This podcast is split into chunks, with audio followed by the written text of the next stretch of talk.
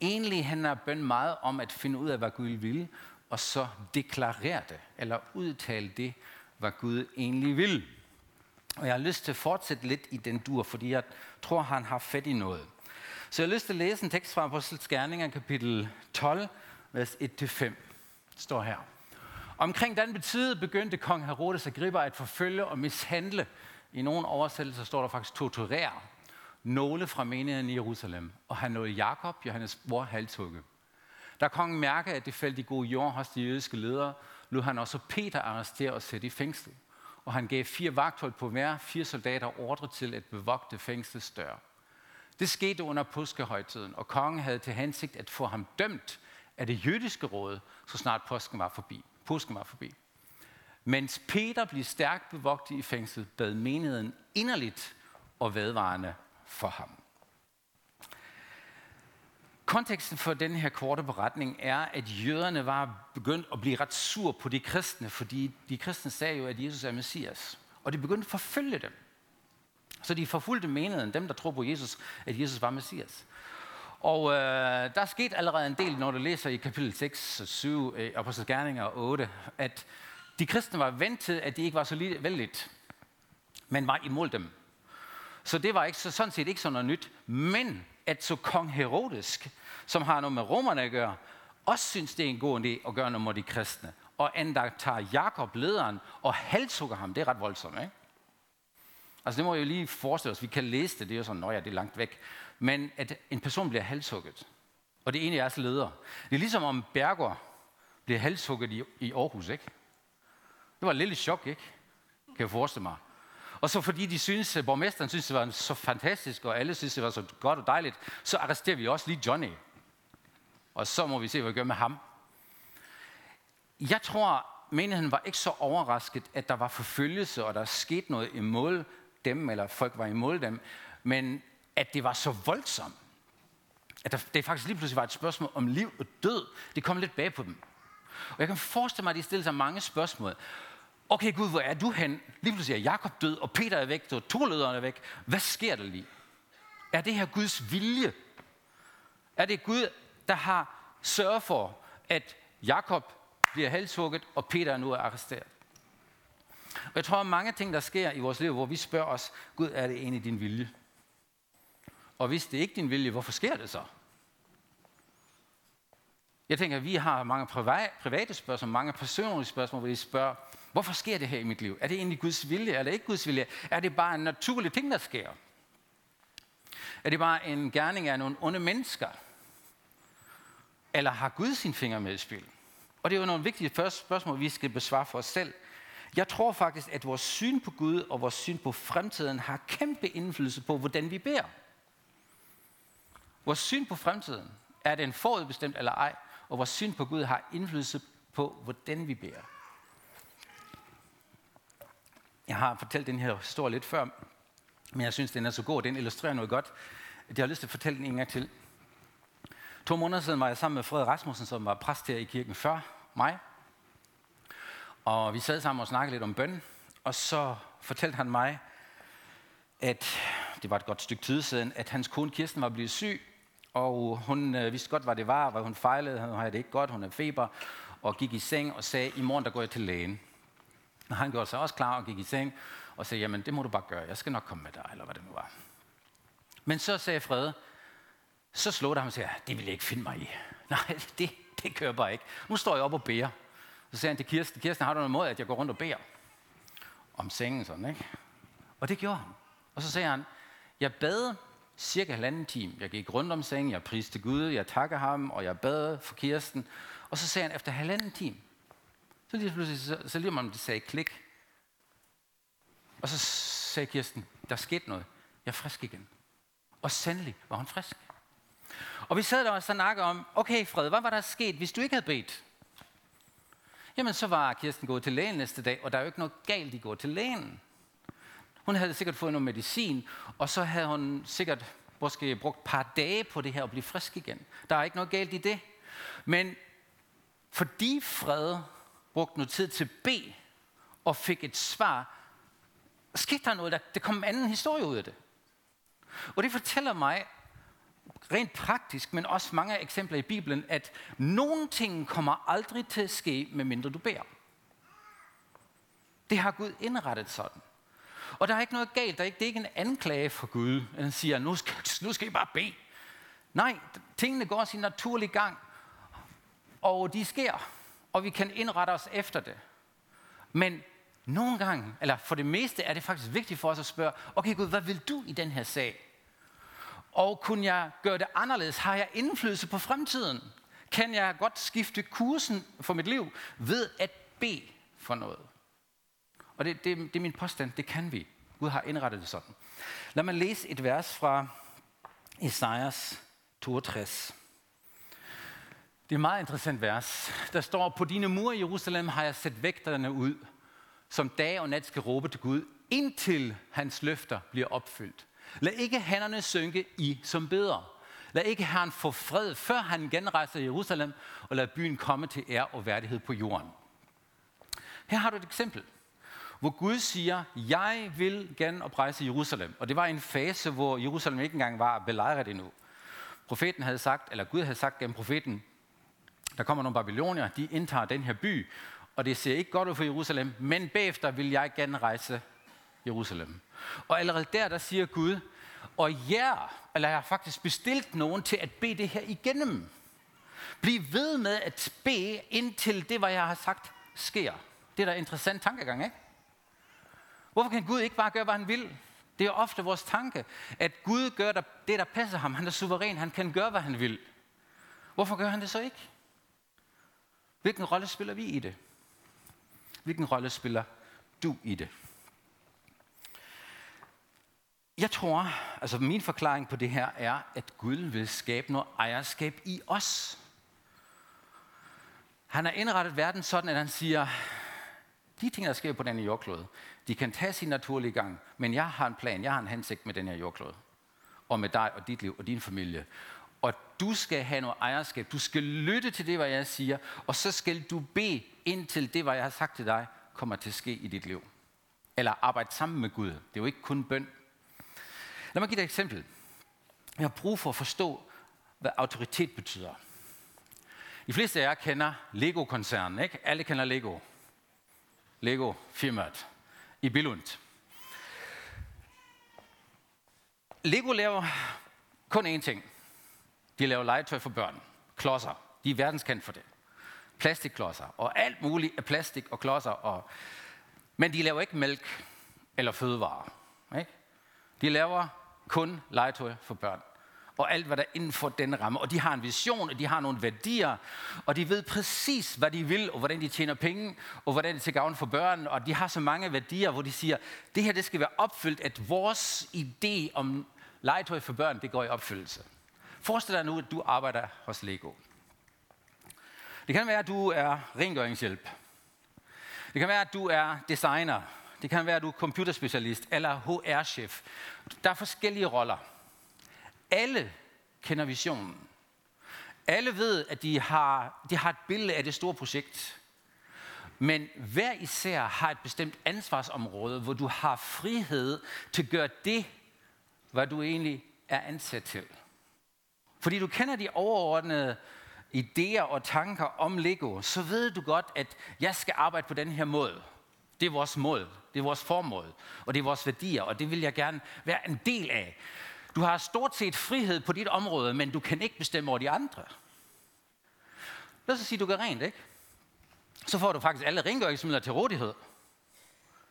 Og du kan ikke bare sige, jeg har fået rengøringsmidler, øh, øh, rengøringsmidler til rådighed, jeg har fået arbejdstøj til rådighed, jeg får endda penge for det her, men hvis chefen vil, at det skal gøres rent, så sætter han bare selv gør rent. Der forventes af dig, at du tager det område. Det er ikke anderledes hos Gud. Vi tænker nogle gange, okay Gud, hvis du vil, at det her skal ske, ikke, så sørg dig for det. Gør dig selv rent, ikke? Hvis jeg skulle bruge det billede, ikke? Kan du ikke lige fikse det her? Men Gud siger, nej, nej, nej, nej, nej. Jeg har stillet dig alt til rådighed. Du har fået et bestemt område, hvor du har fået autoritet. I hvert fald for dit liv. du har fået autoritet for dit, din familie, og så findes der forskellige autoritetsområder i Bibelen, hvor Bibelen siger, du har fået frihed og tillid til at træffe beslutninger inden for de rammer, Gud har givet dig. Og hvis du ikke bruger de, din autoritet, så kommer der ikke noget til at ske. Hvis du er ansat hos Lego, og dit område er design, og du går ikke på arbejde om morgenen, så sker der ingenting. Det, det er nul og natter. Du er nødt til at have gribe det for dig selv. Det er, hvad chefen siger, det skal blive en del af dig. Og når det er en del af dig, så går du op om morgenen, og så har du indflydelse på, om du går glad på arbejde, eller om du går sur på arbejde. Du har masser af indflydelse, ikke? Men du kan ikke bare gå hen et andet område og sige, i dag har jeg faktisk lyst til at bestemme over, hvad der skal ske her. Det er ikke anderledes i Guds rige. Den dag, du har sagt ja til Jesus, er du blevet en del af hans familie. Og, og, og Jesus siger, hey, det her det er et område. Jeg, kan, jeg, jeg har ikke tid til at komme ind på alle de der eksempler, vi finder i Nye Testament, hvor han siger, det her det er din autoritet. Det det, det, det er dine gaver, du har fået. Brug dem. Og det her har du så meget autoritet, at du faktisk kan bestemme. Og her er det mig, der siger, øh, råb til Gud, indtil det, hvad jeg har sagt til dig, kommer til at ske gennem dig. Du har indflydelse på det.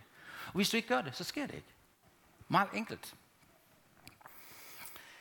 Det, det, var, det er egentlig det, det handler om, når Jesus siger, at I skal bede i mit navn. Jeg beder i Jesus navn, i Jesu navn. Jeg gør noget i hans navn, på hans vegne. Komme dit rige, ske din vilje. Dit navn bliver helliget i min familie på det her område. Det udtaler jeg. Kan I følge mig? Det er ikke en råben til Gud, kære Gud, kan du ikke gøre det her? Hvor Gud siger, jeg har sagt til dig, jeg vil gerne, at min vilje kommer til at ske i din familie. Udtal det, indtil det sker. Jeg er med dig. Jeg vil det her gerne. Grib det. Jeg tror, at hver eneste autoritetsområde er bundet til en person. Der er nogen, der siger, jamen handler det ikke bare om, at nogen, der beder. Nogen, der beder. Så skal det nok ske. Nej, tror jeg ikke. Fordi, igen, hvis jeg skal bruge eksempel fra, fra Lego. Hvis designeren siger, det er egentlig mit opgave, men jeg løser den ikke, så sker det ikke. Så skal de finde en anden person, der tager den opgave, så den bliver løst. Det er jo ikke anderledes i Guds rige. Det er dig, der har fået et område, som ingen anden har. For det første, som jeg nævnte, det er dit eget liv. Du har fået ansvar for dit liv. Det er der, du kan udtale, hvad Gud har sagt om dig. Og sige, Herre, du har sagt til mig, at det er mening med mit liv. Nu vil jeg blive ved med at udtale det, hvad du har sagt om mig, indtil det bliver virkelighed i mit liv.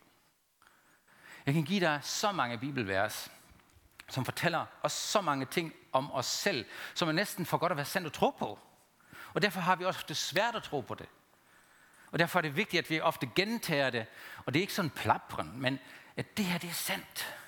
Vi sang den her anden sang, hvor, hvor vi sang, jeg er det, hvad du siger om mig. Det er jo vigtigt, at vi igen og igen slår det fast. Jeg ved, hvem jeg er, fordi du siger det her om mig, og derfor handler jeg sådan. Øhm, din, den autoritet, du har fået, er bundet til dig som person. Gud har ikke givet det til en anden. Det er dit område. I Jeremias 15.1, den har jeg ikke på skærmen, så står der, der siger Gud selv, han siger, om selveste Moses eller Samuel gik i forbøn for disse mennesker, så vil jeg ikke redde dem. Det er sådan, midt i en samtale, så siger Gud lige pludselig, jamen du har bedt meget nu. Det er fint nok. Og selv hvis Moses var her, ikke? ham kender du godt, og hvis Samuel var her, som jeg også har et meget specielt forhold til, selv hvis de to sagde noget, så ville jeg ikke høre dem. Det er da meget personfixeret ind, ikke? Og det er, fordi Gud er så personlig. Du har større indflydelse hos Gud, end du tror. Og jeg i sidste måneder er stødt ind i noget, som, som jeg aldrig tænkt ret meget over. Og det er, at græske filosofer har virkelig haft indflydelse på vores teologi. Hvordan teologien er opstået gennem årene, ikke? gennem reformationen, og der har mange ting, der har sneget sig ind, hvor vi tror nogle ting om Gud, som ikke virkelig er sandt. Og det skal vi pille ud af vores forståelse af, hvem Gud er. Fordi ellers har vi ikke tillid til ham, at han er så personlig. Øhm, hvis du er en god chef, øh, nu bruger vi Lego en gang til, når vi nu har Lego, ikke? og han vil gøre, lave en forandring i en bestemt afdeling, så går han jo ikke bare hen og siger, at det bliver sådan. Hvis han er en god chef, så vil han gå hen til afdelingslederen og snakke med afdelingslederen og få input fra afdelingslederen, og input, afdelingslederen vil tage det til sig og sige, okay, den der idé, den har jeg fanget, så jeg omsætter det. Vi tænker nogle gange, at Gud han sidder på sin trone, ikke? og han siger bare, det der, det der, det der, det der skal ske, og han inddrager os overhovedet ikke. Jeg vil sige det modsatte. Det gør han. Han inddrager dig i alt, hvad der vedrører dig. Men tror vi på det? Vi tror, Gud han er så langt væk. Bill Johnson han siger det sådan her. If it matters to you, it matters to God. Hvis det betyder noget for dig, så betyder det noget for Gud. Vi gør ofte en anden ting. Vi siger, Gud, jeg skal overbevise dig om, at det betyder noget for dig. Ikke? Kan du den slags bønder? Gud, jeg er nødt til at overbevise dig, at det her det er vigtigt for mig. I stedet for at tage det som et udgangspunkt. Fordi Gud, han elsker dig så meget, at han tænker, Jørgen, hvis det betyder noget for dig, og det er lige meget, hvad det er, så betyder det noget for mig. Så lad os snakke om det. Tilbage til de græske filosofer. Jeg har lavet en lille oversigt her. Kommer her. Græsk filosofi siger i store træk, at Gud er perfekt, og det vil sige, derfor har han ingen tæt kontakt til os eller med os. Perfektion er statisk. Det vil sige, når du er perfekt, så kan du ikke bevæge dig mere, så kan du ikke røre dig mere, så, så er det statisk. Det perfekte er fuldkommen og statisk. Derfor kan Gud ikke forandre sig. Derfor har Gud stort set ingen følelser. Relation til uperfekte mennesker er udelukket. Der er en vis atapi, der er afstand, der er, han er upåvirket, upåvirket af os. Jeg kan ikke komme ind på alle detaljer, så meget tid har vi ikke. Men Aristoteles og mange, som har haft indflydelse på teologien, siger, at Gud er en Gud, der er på afstand. Og det har påvirket vores teologi. Mens det jødiske tankegang og Bibelens tankegang er en helt anden, nemlig at Gud er meget relationel. Blandt andet er Gud involveret i verden. Han skriver historie gennem mennesker.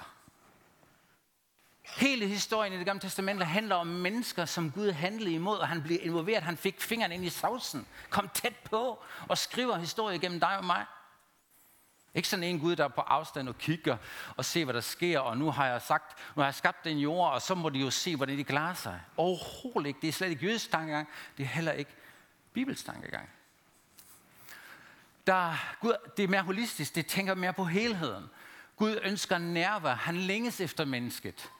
Og perfekt på hebraisk hedder slemut shalom, kommer faktisk ordet fred fra, og betyder mere, at tingene er komplet og hel, i stedet for statisk perfekt. Gud vil gerne genoprette ting, gøre tingene hel, øh, tænker på helheden, komplet. Hvis der mangler noget, så skal det fyldes op. Det er Guds tanke om perfektion. Det vil sige, at han lever med det uperfekte hele tiden. Gud lever med vores uperfekthed. Han elsker dig så uperfekt, som du er, og så uperfekt, som jeg er. Og han siger hele tiden, hvordan kan vi gøre det mere, altså sådan mere helt, ikke perfekt.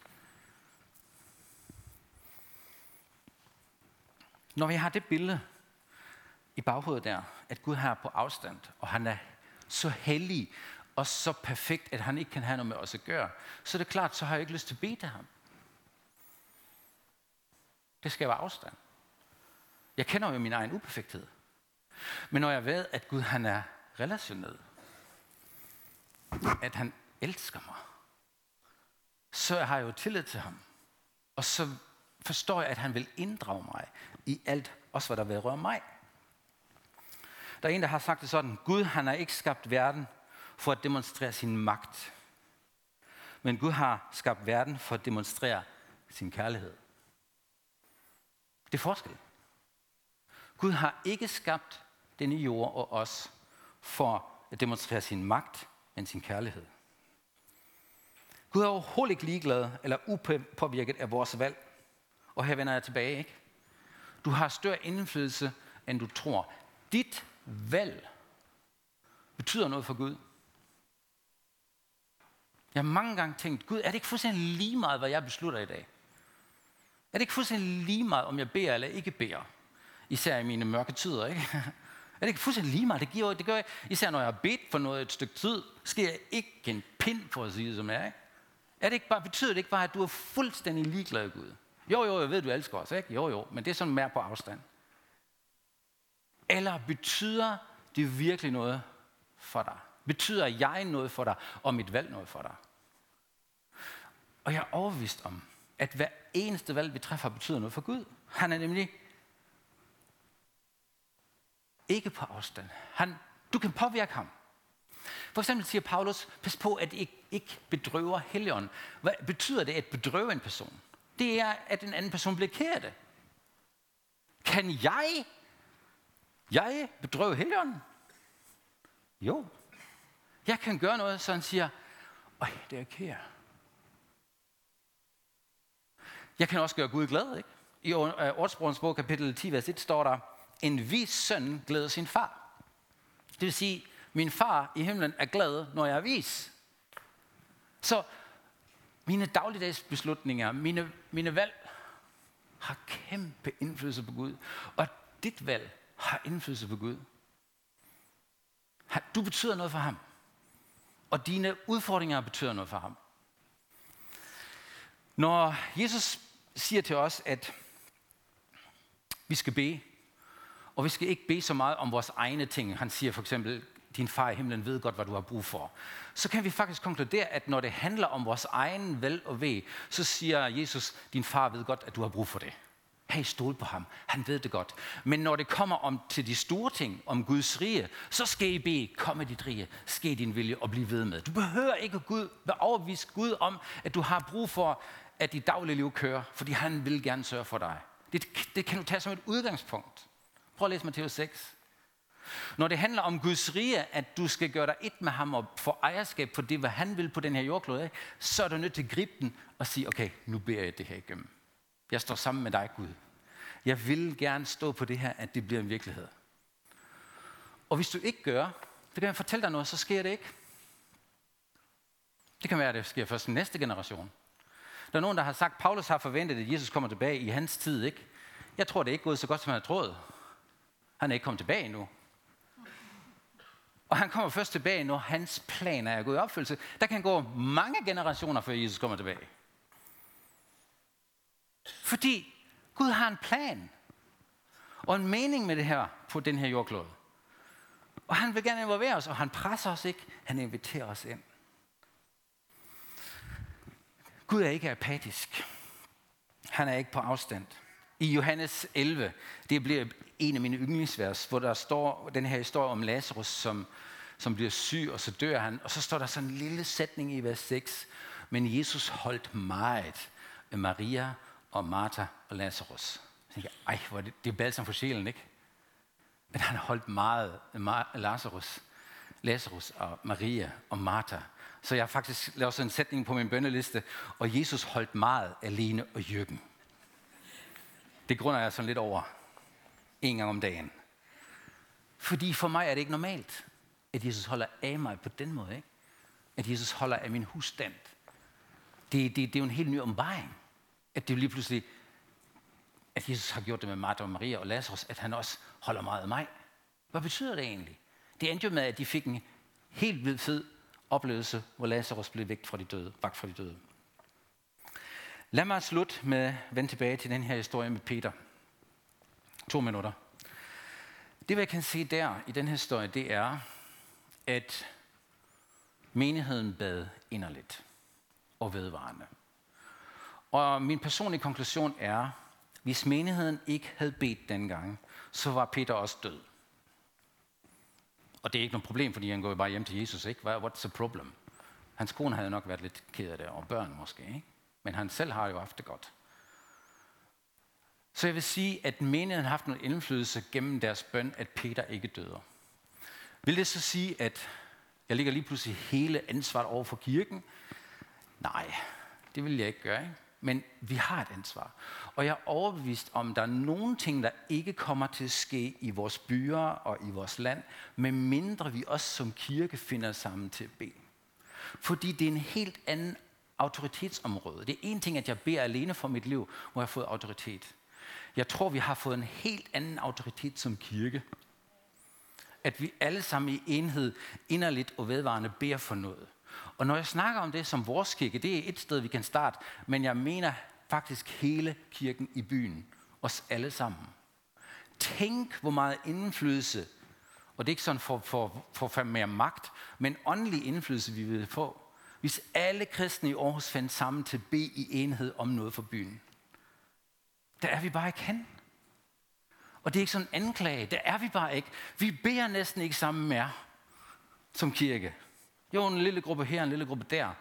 Men vi, vi gør det ikke. Og jeg lige nu er altså i gang med at tænke, okay ud, jeg skal da ikke bare starte et nyt bønnemøde, ikke? Fordi der er ikke ret mange, der gider at komme. Der skal ske noget andet i os, og jeg ved ikke, hvad der skal til. Men jeg tror, at de næste mange år, ikke, så kommer vi som kirke til at lære at bede igen. Sammen. For vi de opdager lige pludselig, at vores bøn også i fællesskab betyder noget. Min drømmescenarie er, at vi ikke kun har evangelisk alliance en gang om året. Mit drømmescenarie er, at vi har evangelisk alliance bønne fest, ikke? En gang om ugen. Ah, det er lidt overdrevet, ikke? Men tænk, hvor vi kunne rykke, hvis vi vil gribe den her. Jeg kan se noget her, at de kunne ændre noget. Jeg tror, at hvis det kun Peters mor og Peter selv og hans kone havde bedt, så var det ikke sket. Og vi er nødt til at finde nye veje. Jeg tror, at Helligånden kommer til at vise os nye veje, også hvordan vi skal bede sammen. Så jeg er ikke, jeg er ikke øh, fortvivlet, slet ikke. Jeg tror, vi er på vej derhen, og vi skal nok finde nogle, nogle, nogle veje, hvor den vi som kirke kan bede igen. Om det sker i hjemmen, eller om vi gør det via WhatsApp, eller Messenger, eller alle mulige ting, ved jeg ikke. Men der må være en vej, og vi skal genopdage den, tror jeg.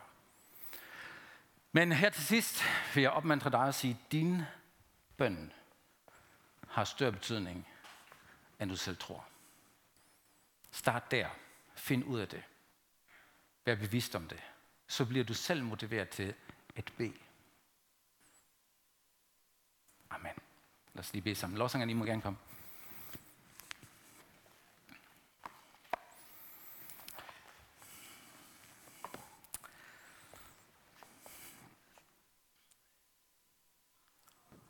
Jesus, jeg vil takke dig, at,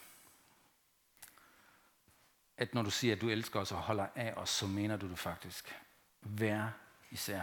Hver eneste os er betydningsfuld for dig. Og det, hvad vi mener, det vi mener, det vi tænker, det, der betyder noget for os, det betyder også noget for dig.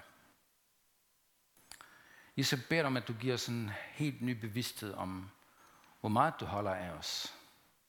Også hvor meget vores beslutninger og vores bønder betyder noget. Så at vi igen og igen bliver motiveret til at bede og søge dig og lytte til dig, høre fra dig og få ejerskab for det, der brænder og ligger på dit hjerte her. Tak, Jesus, at du viser os en vej, hvordan vi som kirke kan finde nye veje til at bede sammen. Det har vi brug for, Jesus. Vi tror på, at du har givet en autoritet til din kirke som en helhed. Og det vil vi gerne leve op til, Jesus. Vi vil gerne leve i det og bruge det, den autoritet, du har givet os. Tak, at du hører vores bøn, og tak, at du giver os en helt ny stribe af bønnesvar og oplevelser, som skubber os i den retning, hvor vi mærker, at vores bønder betyder noget for dig. Amen. Amen.